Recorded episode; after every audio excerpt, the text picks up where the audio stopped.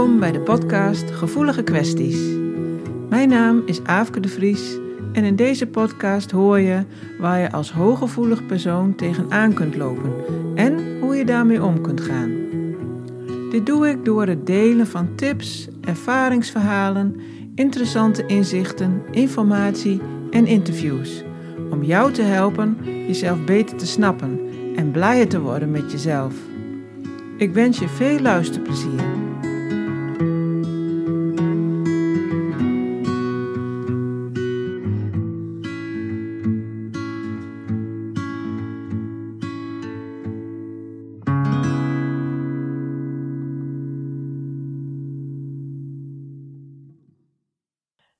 Vandaag in gesprek met Michiel van der Pols. En ik ken Michiel eigenlijk nog niet.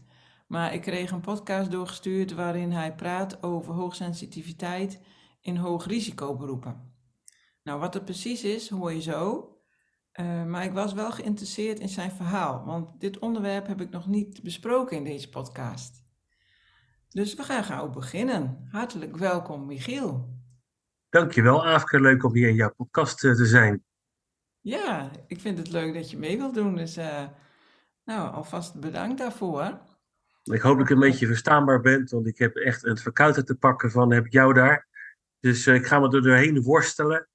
Uh, maar het gaat vast goed komen. Ja. Nou ja, ik zei het al net. misschien kun je daar eerst toch even iets over vertellen over um, hoogrisicoberoepen. Wat dat nou eigenlijk is. Want dat weet niet iedereen, denk ik. Nou ja, kijk, er zijn beroepen waar je, het woord zegt het al, waar je een verhoogde kans hebt dat je aan, uh, aan risico wordt blootgesteld, aan, aan stress, aan misschien wel menselijk leed. En dan moet je eens denken aan beroepsgroepen zoals uh, politie, brandweer, de zorg en uh, defensie. En natuurlijk heb je nog wel meer beroepsgroepen, bijvoorbeeld beveiligers of handhavers. Dus in die, in die tak moet je het zeg maar vinden. Ja, en, en um, valt bij de zorg dan ook, valt daar ook onder de GGZ of dat niet? Nou ja, weet je, er zijn, zijn zoveel takken, dus um, uh, dat vind ik ook lastig te beoordelen, want daar heb ik niet zelf in gewerkt. Maar ik denk aan de spoedeisende hulp, ik denk aan de ambulance, ik denk aan werken met uh, psychiatrische patiënten. Uh, nou, in die hoek. Ja, ja helder. En, en um, ja, wat doe jij daar precies mee? Nou, ik heb zelf uh, 25 jaar gewerkt in uh, een hoogrisico uh, beroep. 12,5 jaar bij, de, bij het Mariniers. En de andere helft van die tijd bij de gemeente Rotterdam in het veiligheidsdomein. Stond ik aan de lat om zeg maar, probleemwijken, om die met een integraal team van, van professionals, om die weer beter te maken. Ehm, dus daar heb ik zelf mijn sporen in verdiend. En heb ik ook veel gewerkt met politie en, en handhaving. Um, uiteindelijk heb ik zes jaar geleden uh, het roer in mijn leven behoorlijk omgegooid. En ben ik, uh, uh, ben ik doorbraakcoach geworden. Hm. En richt ik mij voornamelijk op de geuniformeerden of mensen die daar gewerkt hebben. En dat doe ik omdat ik merkte dat als ik als coach me zeg maar neerzette. ik heb eerst parttime gecoacht naast mijn werk bij de gemeente Rotterdam. Toen kwamen er al heel veel geuniformeerden kwamen op mijn coachpraktijk af. En dat was misschien een beetje naïef, maar ik had er van tevoren niet bedacht dat ik in die uh, behoefte zou voorzien. En wat blijkt, ze, ze vinden het fijn om met mij te spreken, omdat ik het werkveld goed ken. Ik kom er vandaan, ik heb het zelf allemaal gedaan, dat werk.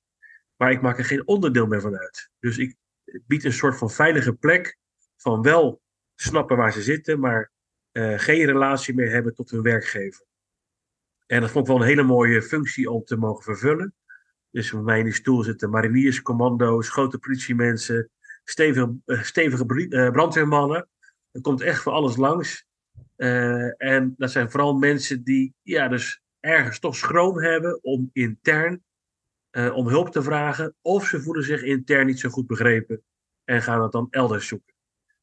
En wat ik er dan vervolgens mee doe, is dat ik als doorbraakcoach uh, ga ik heel erg op zoek naar um, ja, welke blokkades zijn er aanwezig, welke, welke belemmerende patronen zijn er aanwezig, overlevingsmechanismen zijn er, die je belemmeren om werkelijk trouw te zijn aan jezelf.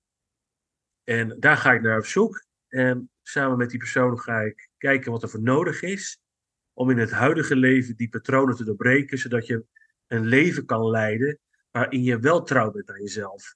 Dus niet op die buitenwereld gerecht bent, maar op je binnenwereld. Dat je stappen gaat nemen die goed voor jezelf zijn.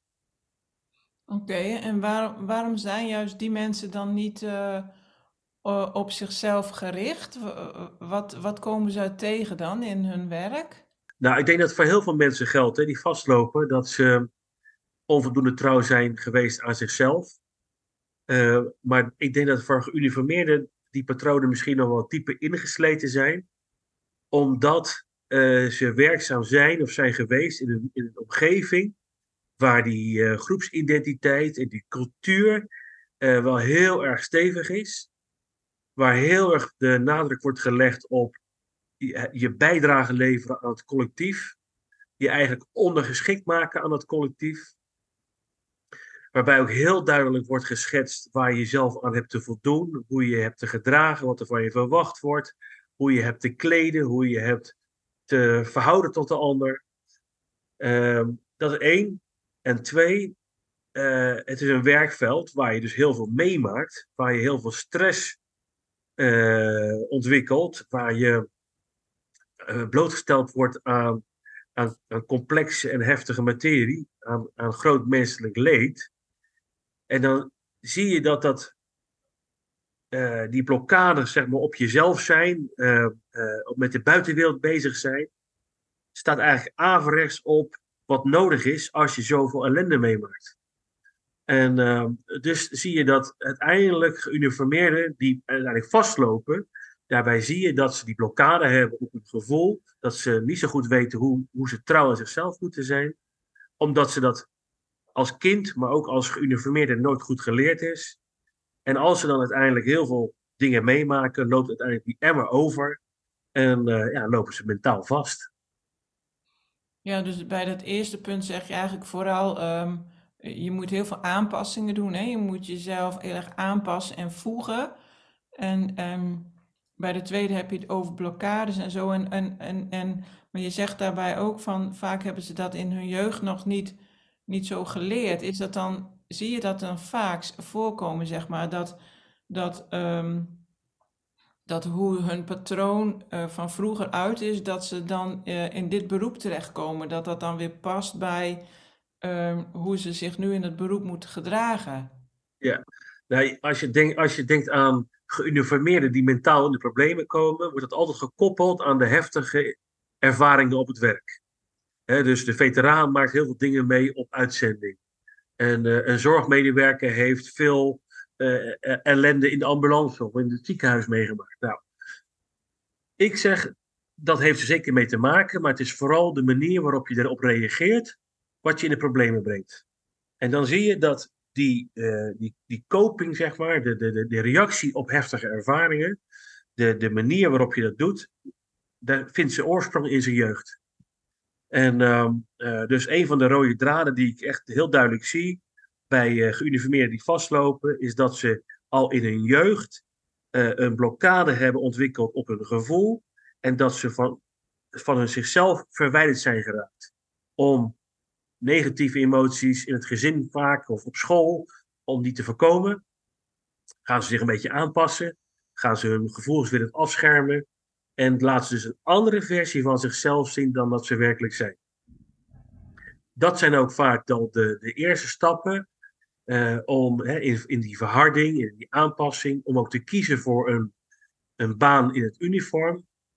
Omdat dan verwacht wordt, in dat werkveld uh, ga ik wel erkenning krijgen. Ga ik wel gezien worden, ga ik wel meedoen. Uh, en ik zal de wereld wel eens even laten zien wie ik ben. En dat geldt natuurlijk niet voor alle geuniformeerden, maar het geldt wel voor de geuniformeerden die uiteindelijk in het volwassen leven vastlopen en die ik de afgelopen jaren heb mogen helpen. Ja, duidelijk. Ja, en, en um, um, je komt daarbij volgens mij uh, ook bij het stukje van um, ja, zijn mensen getraumatiseerd? Komt dat door het werk of zijn ze vroeger ook al getraumatiseerd? En, en ehm, ja, jij, volgens mij zei jij in dat andere interview wat ik van jou gehoord had, ehm, dat jij daar ook aan werkt, dat mensen daar weer van af kunnen komen. Hè? Dat ze dus, uh, of ja, dat ze, dat ze geen last meer hebben van hun trauma, of dat nou van dat werk komt of van vroeger, vroeger al. Ja. Ehm, ja, kijk jij daar echt zo naar dat dat, uh, dat opgelost kan worden? Of, of uh, zou het ook kunnen zijn dat sommige dingen niet uh, helemaal overgaan? Ja, kijk, als ik een, laat me even een militair pakken, als ik een militair in mijn coachpraktijk heb, dan, dan gaat het misschien 5% over het militaire werk en de, de ervaringen tijdens de uitzendingen. En dan gaat 95% gaat het over familie, over uh, relaties, gaat het over uh, de kinderen. En gaat dus helemaal niet over het werk. Dus de hoofdmoot gaat over het privé. Nou, waar ik dan naar op zoek ga, is. wat is de dynamiek in je jeugd geweest? Hoe heb je daarop gereageerd? ben je dichtbij, dicht bij jezelf gebleven? Of ben je van jezelf verwijderd geraakt. Als je uiteindelijk als kind dan van jezelf verwijderd bent geraakt en je maakt allerlei heftige shit mee, dan zie je dat er best wel veel moeite is om al die heftige shit ook goed te kunnen verwerken. Om dat een goede plek te kunnen geven. Ja. Mijn, mijn, mijn perspectief erop ook is dat uh, degenen, we, maken allemaal heftige dingen mee als je in uniform werkt, maar degenen die als kind niet goed geleerd hebben om goed voor zichzelf te zorgen en het gevoel te uiten en de emoties ook bloot te geven, dat zijn de mensen die vastlopen. Dus als ik met mensen aan de slag ga, ga ik natuurlijk kijken, joh, wat heb je allemaal meegemaakt in, in je werk? Maar belangrijker vind ik, hoe ehm, en wanneer en waarom ben je in het begin van je leven van jezelf vandaan gegaan? Wat zijn daar de dynamieken geweest? Uh, wat heeft je gedreven om ander gedrag in te zetten. En ik vind het dan eigenlijk veel belangrijker om, daarnaar te kijken, om naar echt die dieper liggende uh, patronen te kijken. En die dieper liggende angst om jezelf te zijn. En om dat in het huidige leven zeg maar, te gaan doorbreken. En ik denk dat dat een hele waardevolle interventie is om uiteindelijk weer terug in je kracht te komen. En in het nu en in de toekomst uh, uh, dicht bij jezelf te blijven. En eh, kijk, het meest krachtige is als je natuurlijk je gaat kijken naar die heftige ervaring op het werk, dat je daar natuurlijk, dan mag je echt je interventies op doen, want er zijn vaak ervaringen die niet goed verwerkt zijn, en dan mag je echt naar kijken. En je mag daar, daar heb je natuurlijk verschillende stat of, therapieën voor die je kunnen helpen om, om, om dat alsnog jaren later goed te verwerken. Maar uiteindelijk, ja, ik, ik hou ervan om echt helemaal naar die diepe laag te gaan, omdat ik het gevoel heb dat daar de beste, de meeste heling te, te halen valt. Ja, mooi. En, en hoe kom jij daar dan bij? Is dat, eh, heb, vertel je dat uit eigen ervaring of is dat niet zo? Nou, het is en en. Uh, en eigen ervaring en de ervaring van honderden gesprekken die ik de afgelopen jaren heb mogen, mogen voeren. Waarbij ik gewoon altijd toen ik begon als coach, ben ik eigenlijk heel open in die gesprekken gegaan. En dan ging ik gewoon samen met de coachie, ging ik, ging ik gewoon uh, zoeken en puzzelen van, ja, waar komen nou jouw problemen van, vandaan? En uh, zolang ik het niet begreep, zeg maar, en zolang de coachie het niet begreep, ben ik verder gaan zoeken. En ik ben, je moet weten, ik ben zeg maar best wel een tijdje ben ik gewoon part-time coach geweest. Vaak ook gewoon met collega's en vrienden ge, gecoacht. Weet je wel, gewoon wennen aan het coachvak, leren, uh, leren terwijl, tijdens het doen, zeg maar. Um, en uiteindelijk kwam ik altijd uit op de jeugd dat daar bepaalde patronen waren ontwikkeld. Dus dat ontdekte ik uit al die gesprekken. Maar uiteindelijk heb ik het ook in mijn eigen leven gezien. Dat uh, ik, ik ben er acht jaar geleden ben ik er uh, achter gekomen door de ontmoeting met mijn vrouw notabene. Dat ik ook heel veel aangepast gedrag had. En dat, dat ik eigenlijk aan heel, aan heel veel mensen in de wereld altijd maar een aangepaste versie van mezelf liet zien. En uh, mijn vrouw Linda, die kreeg eigenlijk vanaf dag één de totale authentieke, volledig open versie van mij te zien. En toen ik dus bij Linda, hè, mijn vrouw, eh, in contact kwam, was dat verschil tussen die aangepaste en die authentieke, die, die werd me heel erg duidelijk. En toen ben ik zelf op zoektocht gegaan. En toen kwam ik, ik ook achter, ja, dat heeft ook zijn redenen gehad vanuit mijn jeugd. Ehm, dus ja, dat is wel iets wat ik zelf doorleefd heb en wat ik dus elke keer weer terugzie. Ja, mooi. En, en heb je dan ook een verklaring waarom je bij haar niet een aangepaste versie liet zien? Weet je, weet je dat ook? Nou ja, dat was natuurlijk in eerste instantie een hele, was een hele aparte ervaring. Ehm, ehm, weet je, ehm, ik, toen ik haar ontmoette, ik schrijf, omschrijf het altijd maar zo. Toen ik haar ontmoette, herkende ik haar wel, maar ik, ik kende haar nog niet. Ja, ja. Dus dat was een hele aparte gewaarwording. En uh, ik zie het ook een beetje als soort uh, twee magneten die, die, die, die je dicht bij elkaar houdt. Dan voel je wel die spanning, maar je ziet die spanning niet. Hè? Dus die voelt die aantrekkingskracht. Nou, dat hadden wij heel sterk. En uh, uiteindelijk ja, heb ik daar wel naar antwoorden op gezocht. Van waar komt het nou vandaan? Hè? hoe, hoe, hoe komt het gevoel nou? Hoe, hoe, hoe, waar komt het gevoel vandaan? Wat is dit tussen haar en mij? En ik heb daar voor mezelf wel antwoorden op gevonden. En als ik het maar een beetje aards hou, dan, dan hou ik het er meer op de lijn van dat onze frequenties, onze energiefrequenties, gewoon heel erg uh, op één lijn met elkaar liggen.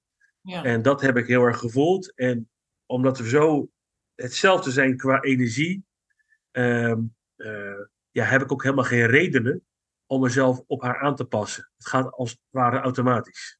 Ja, dus een beetje tweelingziel-idee.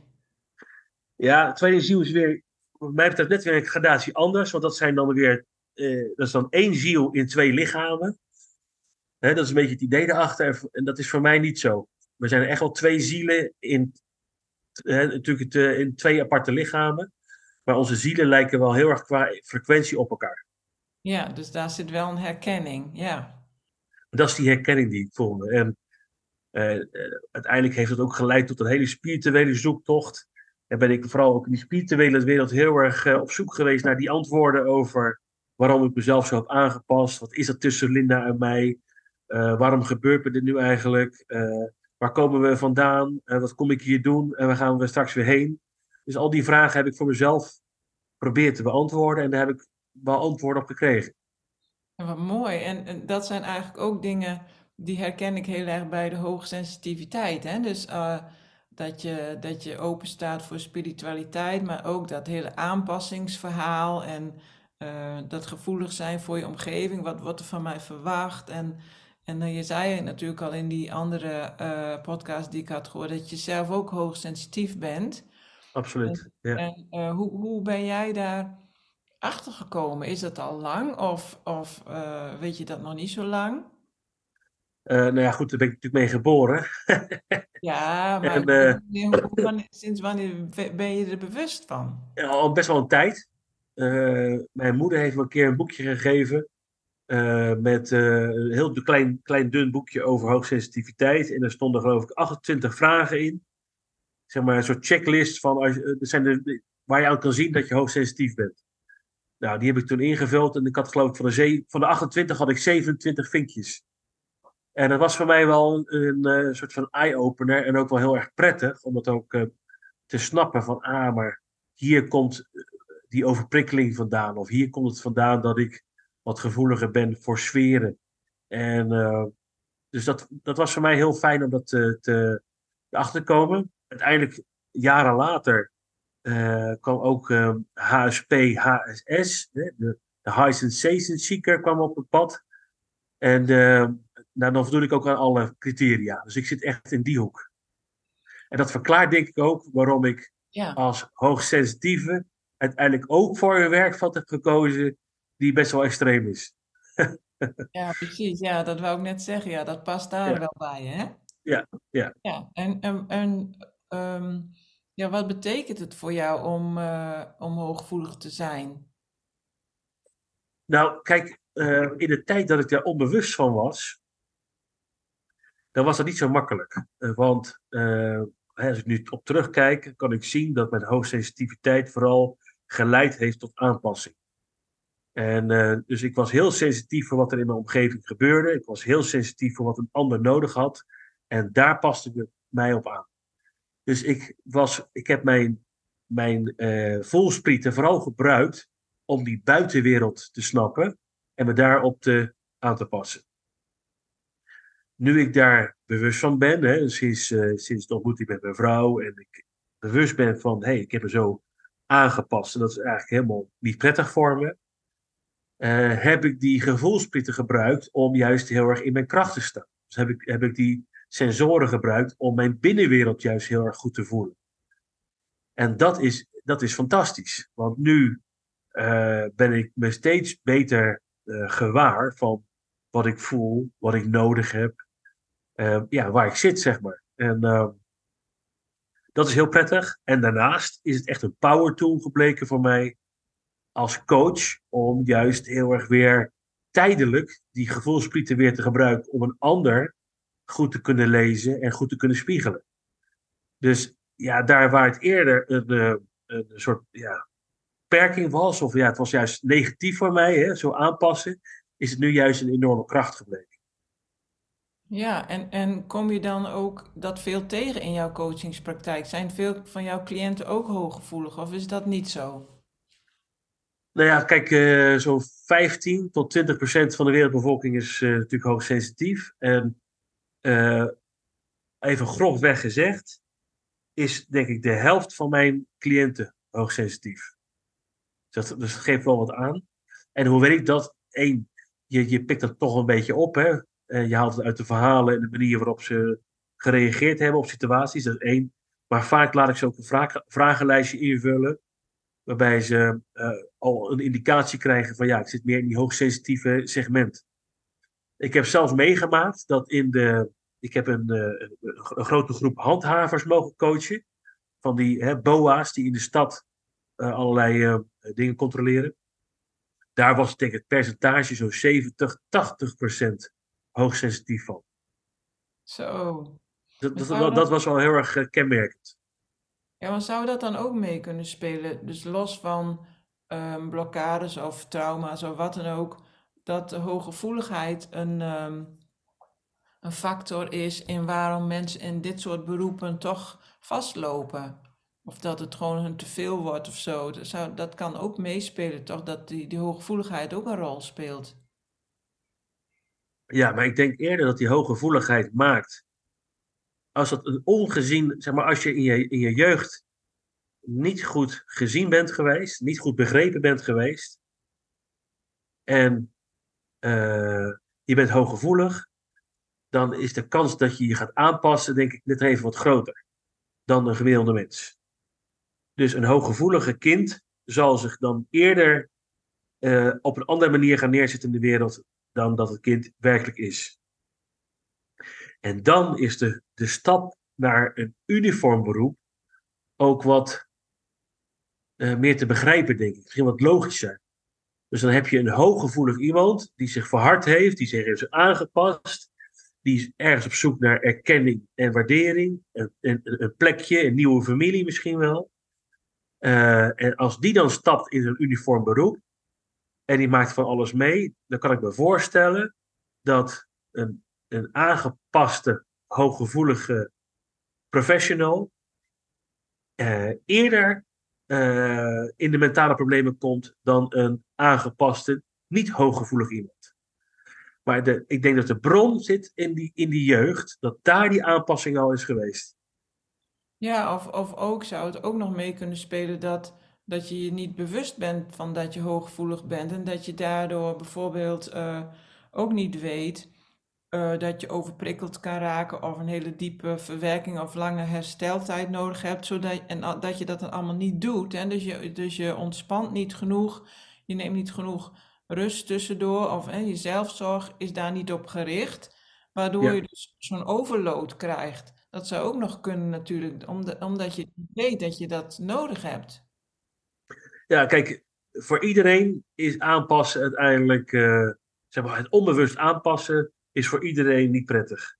En voor een, iemand die hooggevoelig is, die komt denk ik net even wat meer in de knel. Omdat als je natuurlijk uniform gedrag gaat vertonen, ook in je verwerking, ja, dan kom je niet tot, uh, op de plek waar je, waar je moet zijn. En uh, ga je die, geen dingen doen die jij nodig hebt. Dus uh, ja, ik denk dat zeker een correlatie te vinden is tussen mentale problemen bij geuniformeerden en, en hooggevoeligheid.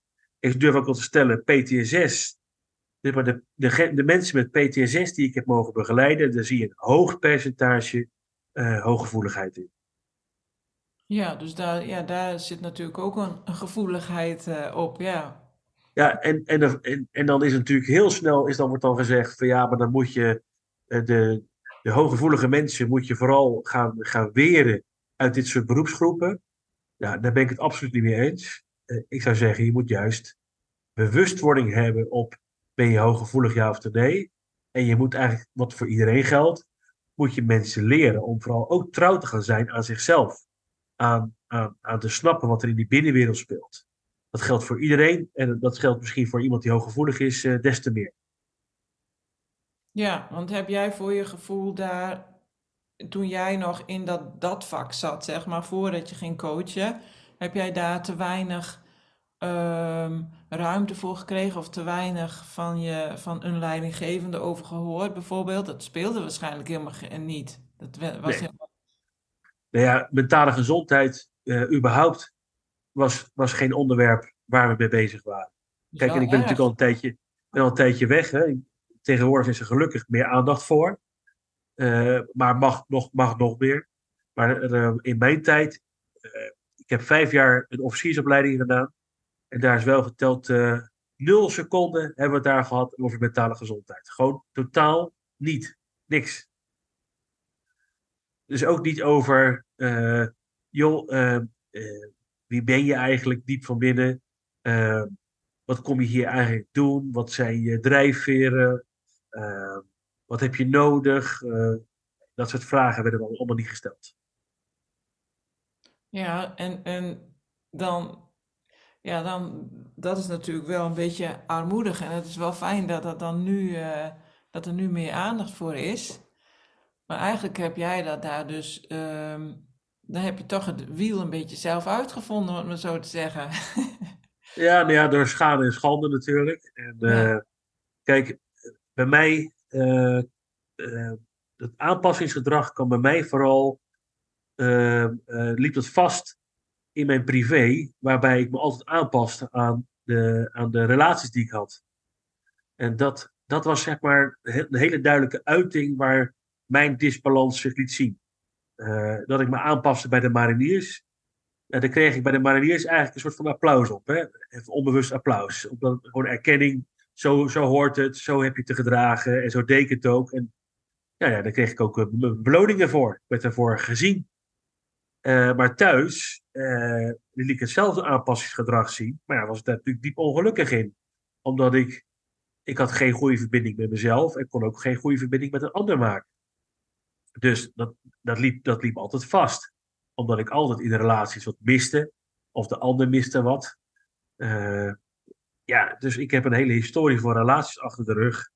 Waarvan ik nu kan zien, van ja, dat snap ik wel. Want ik liet altijd een aangepaste versie van mezelf zien. En, uh, en uh, ja, dat vervulde me helemaal niet. Nee, nee, tuurlijk niet. Nee, dat is, dat is logisch. Dan krijg je eigenlijk alleen maar frustratie van uh, iets lukt niet. En ja, je krijgt niet het echte contact waar je naar op zoek bent. Ja, ja. mooi. En, en heb jij nu in jouw, um, in jouw praktijk, kom je ook wel eens mensen tegen die zo vastgelopen zijn of zo getraumatiseerd zijn dat het eigenlijk... Um, dat het eigenlijk niet meer gaat, of dat het niet overgaat, of dat iemand dat, dat vak beter niet meer uit kan oefenen? Uh, nou ja, weet je, dat is, dat, die antwoorden ga ik zelf nooit geven. Dan moet iemand vooral lekker zelf uh, achter gaan komen. Kijk, wat ik wel veel hoor is, Michiel, ik voel helemaal niks meer. Ik ben totaal geblokkeerd, weet je wel, zoiets. Maar het is helemaal niet zo. Want iedereen, ook al ben je nog zo getraumatiseerd, je voelt van alles. En in mijn optiek is het zo dat, je, uh, dat mensen vaak dan uh, het helemaal afgeleerd hebben om naar dat gevoel te luisteren. Ik heb wel eens iemand gehad en die, nou, die kwam ook zo binnen. Van ik voel helemaal niks meer.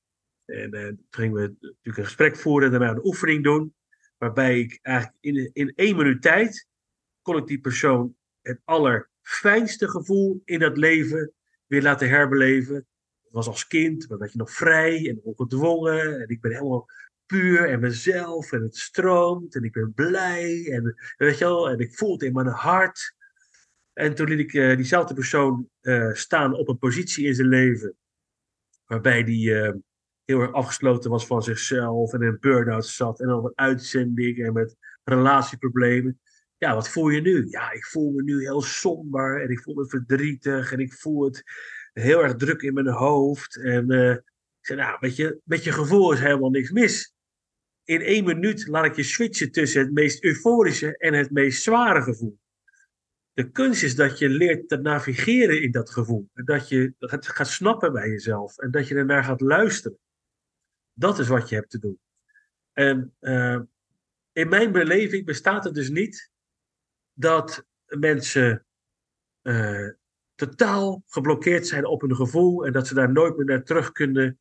En dat ze voor altijd en eeuwig vastzitten ik geloof wel dat het heel spannend is voor heel veel mensen ja. om dat patroon wat ze ergens in het begin van hun leven ooit hebben aangemaakt, om dat patroon los te laten, te, te, doorbreken, weer een gevoel te gaan uiten, te, te vertellen wat ze op hun hart hebben, uh, dat ze zichzelf mogen gaan laten zien. Uh, en dus die angsten die ze ooit bewogen heeft om zichzelf een beetje te beschermen, dat ze die angsten moeten gaan, gaan facen dat ze daar doorheen moeten. Ik snap dat het, heel, dat het heel moeilijk is. Maar het is wel de weg die gemaakt mag worden als je uh, in de mentale problemen bent gekomen en op zoek bent naar antwoorden. Dan heb je die weg af te leggen. Ja, ja nee, ik snap het. Maar het zou, ik, ik denk dat het ook wel kan dat uh, uh, mensen zoveel schade hebben opgelopen dat als je dan steeds weer in een bepaalde omgeving gaat zitten. Ehm, en gewoon stel dat gewoon net als met oorlog, zeg maar. Stel je bent zo getraumatiseerd door een oorlog, niet zozeer als militair bijvoorbeeld, maar gewoon omdat je als oorlogs, uh, in een oorlogsland uh, woont, waar oorlog is en, er zijn, je hebt trauma's opgelopen, die zijn natuurlijk uh, miljoenen. Um, en dat je dan daar zoveel schade van hebt. Ook al heb je dan misschien tien jaar over gedaan om van alles te verwerken en dit en dat. En kun je weer verder met je leven enzovoort enzovoort. Maar stel dat er dan weer oorlog uitbreekt. Dat, je dat, dat er dan weer zoveel loskomt dat je dat gewoon niet aan kan. Dat je dan toch beter kan verhuizen in plaats van uh, kan blijven wonen in een oorlogsgebied. Snap je wat ik bedoel? Soms kan het misschien zo zijn dat je niet meer in dat beroep moet blijven, omdat er toch te veel oproept. Dat kan. Dat kan zeker. Uh, kijk, als mensen weer in contact komen met een gevoel en ze gaan echt gewoon zichzelf zijn, maar ze zijn nog werkzaam in het uniform, dan zijn er eigenlijk drie mogelijkheden. Uh, ik, ik blijf in het uniform en ik blijf oud gedrag vertonen, want dat heeft me al die jaren dan overeind gehouden. Maar eigenlijk gaat dat niet, want daar zijn ze ook ziek in geworden. Twee, ik blijf in het uniform, maar ik ga nu nieuw, authentiek gedrag laten zien. Of drie, ja, ik ga, ik ga eruit. En ik ga in een nieuwe omgeving een nieuw, authentiek gedrag laten zien. de mensen die kiezen om in het uniform te blijven, die, die hebben het eigenlijk het meest, eh, het, het meest moeilijke.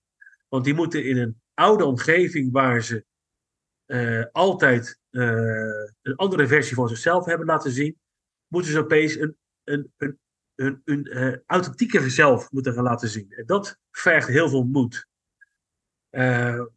Maar toch ben ik wel altijd heel erg blij als mensen die moed hebben om dat wel te doen.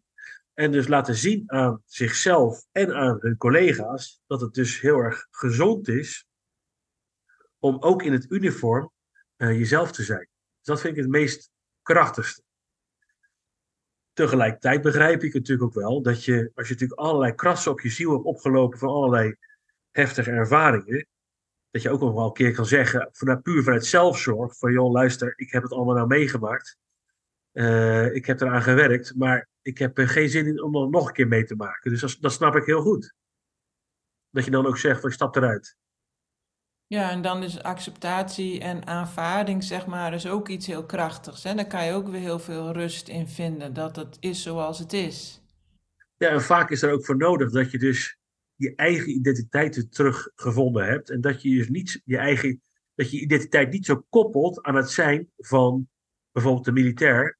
Ja. En de militair moet op uitzending. En als ik dat allemaal niet doe, dan, eh, dan besta ik eigenlijk niet. Dan heb ik geen bestaansrecht. Dus je mag je bestaansrecht weer terugclaimen eigenlijk. En niet meer zo koppelen aan al dat werk wat je doet. Ja, mooi. Dan hoef je je niet meer zo te bewijzen en niet uh, zo te presteren. Ja. Ja, precies. Mooi. En dat maakt dus die stap zeg maar, om dat werkveld uit te gaan, denk ik, een stuk uh, makkelijker. Ja. nou, ja, ik ben echt lekker verkouden hoor. Dus ja, ik, ja. dus ik zie jou natuurlijk en de mensen die luisteren, die zien jou niet. Maar volgens mij hebben we al heel veel besproken. Ik weet niet of uh, er nog iets is waarvan jij zegt, nou, dit, dit ontbreekt. Nou ja, ik denk dat we hebben het nu over mensen die hooggevoelig zijn en vastlopen. Hè? Ik, ik zie ook hooggevoeligheid als een power tool, die als je er bewust van bent, die je ook kan inzetten als een enorme kracht. Dat doe ik nu als coach, maar ik denk was ik mij bewust geweest van mijn hooggevoeligheid in het werkveld waar ik zat, dan, uh, dan had het ook een kracht kunnen zijn. dan had ik, want ik pikte gewoon dingen op die anderen misschien wat minder snel oppikten. Uh, ik pikte uh, het gevoel bij een ander goed op. Het gevoel in de groep pakte ik goed op. En als je het gaat inzetten als, als, als, als kracht, dus je, je krijgt de ruimte om dat soort gevoelens ook met de groep te delen, kan de groep daar ook een stuk sterker van worden. Omdat je gewoon weet, ja, weet je, uh, Michiel is hooggevoelig en die, die pikt hem net even wat sneller op dan wij misschien. Maar je kan het ook zien en als je bijvoorbeeld uh, patrouilles gaat lopen of je bent in gesprek met, uh, met locals of als politieman ben je in gesprek met bewoners. Als je dan een hooggevoelige politieman bent, ja, kan ik me voorstellen dat je net wat meer open staat voor een ander, dat je misschien wat meer informatie oppikt, dat je gewoon andere informatiekanalen hebt. En uh, kijk, er zijn, er zijn, denk ik omgevingen waar het niet zo handig is als, als hooggevoelig iemand om daarin te werken, maar bij recherche, bij, bij, bij uh, surveillances, nou, noem maar op, zijn genoeg werkvelden te bedenken die, waar je die hooggevoeligheid juist enorm kan inzetten. Dat zou heel mooi zijn. En wat jij net zei, vind ik daarin heel belangrijk. Dat, dat, uh, dat je ook de ruimte krijgt om dat te mogen. En dat dan dat ook serieus genomen wordt. Bijvoorbeeld door een leidinggevende of wat dan ook. Hè? Maar mijn ervaring is, uh, waar ik werkte in de GGZ, was daar helemaal geen ruimte voor. Werd het zelfs, uh, zelfs als cliënten over hun hooggevoeligheid begonnen, werd het afgedaan als hysterisch, als, als psychisch gestoord. Um, dus um, als ik daarover begon, dan werd ik daarin ook helemaal niet serieus genomen. En alles wat ik aanvoelde, wat buiten de kaders viel en wat buiten hun plannen lag, dat werd meteen afgeschoten. Om even met militaire begrippen. Uh, dus um, dat is wel belangrijk dat, dat, dat daar dus ruimte voor is en dat, die bewustwording op gang komt bij, uh, bij het management en zo. Dat vind ik wel heel erg belangrijk. Ja, ja zeker. En, uh, maar vooral ook die bewustwording bij jezelf. Nou, wat is mijn rol hier eigenlijk? Wat is, wat is mijn unieke plek hier in deze groep? En dat je daar trouw aan bent. En dat je dus niet aan jezelf gaat twijfelen. Dat je je mond maar gaat houden. Dat je denkt van ja, want de rest van de groep die zegt het ook niet. Nee, dus het begint uiteindelijk wel bij zelfbewustzijn. Bewustzijn van je eigen krachten en je, en je eigen valkuilen. En als een van die krachten is, hey, ik ben wat gevoeliger voor sferen en voor, voor de dynamiek in de groep. Ja, weet dat en, uh, en zet het gewoon ten positieve voor, uh, voor jezelf en de groep ook in. Ja, mooi. Hey, en waar kunnen mensen jou vinden? Is dat, dat is, uh, jouw website is doorbraakcoaching.nl, toch? .com. Oh, ja, .com. Doorbraakcoaching.com. En, ik, en ik werk vanuit Rotterdam. Daar doe ik mijn, mijn sessies geven. En uh, ja, op de website kan je, kan je, eigenlijk alles over mij vinden. Ja, nou ik zet en dan hem weet je ook, Dan kan je ook vinden hoe ik klink zonder mijn verkoudheid. Want het, uh, het lijkt wel of ik een octaaf lager praat nu. oh, nou het valt best wel mee hoor, volgens mij. Ja. Nou, heel goed. Nou, dankjewel voor dit uh, interessante gesprek. En ehm, nou, ik denk dat heel veel mensen daar iets aan uit kunnen halen. En ehm, nou, ik wens je heel veel succes met je, met je missie. Dankjewel, Afke. Leuk om je even gesproken te hebben. Wil je meer weten over jouw hooggevoeligheid en hoe je ermee om kunt gaan? Kijk dan eens op mijn website, waar je als deelnemer toegang kunt krijgen tot alle trainingen, waardoor jij in balans kunt komen en blijven. Ga naar www.dathebiknoualtijd.nl voor meer informatie en om jezelf in te schrijven. Is er een onderwerp waar je graag een podcast over wilt horen? Of ben je benieuwd naar een interview met iemand? Laat het me weten. Ken je iemand die deze podcast interessant zou kunnen vinden? Stuur hem dan gerust door. En als jij dit een waardevolle of leuke podcast vindt, dan zou ik het heel erg waarderen als je een review achterlaat. Bedankt voor het luisteren en tot de volgende keer.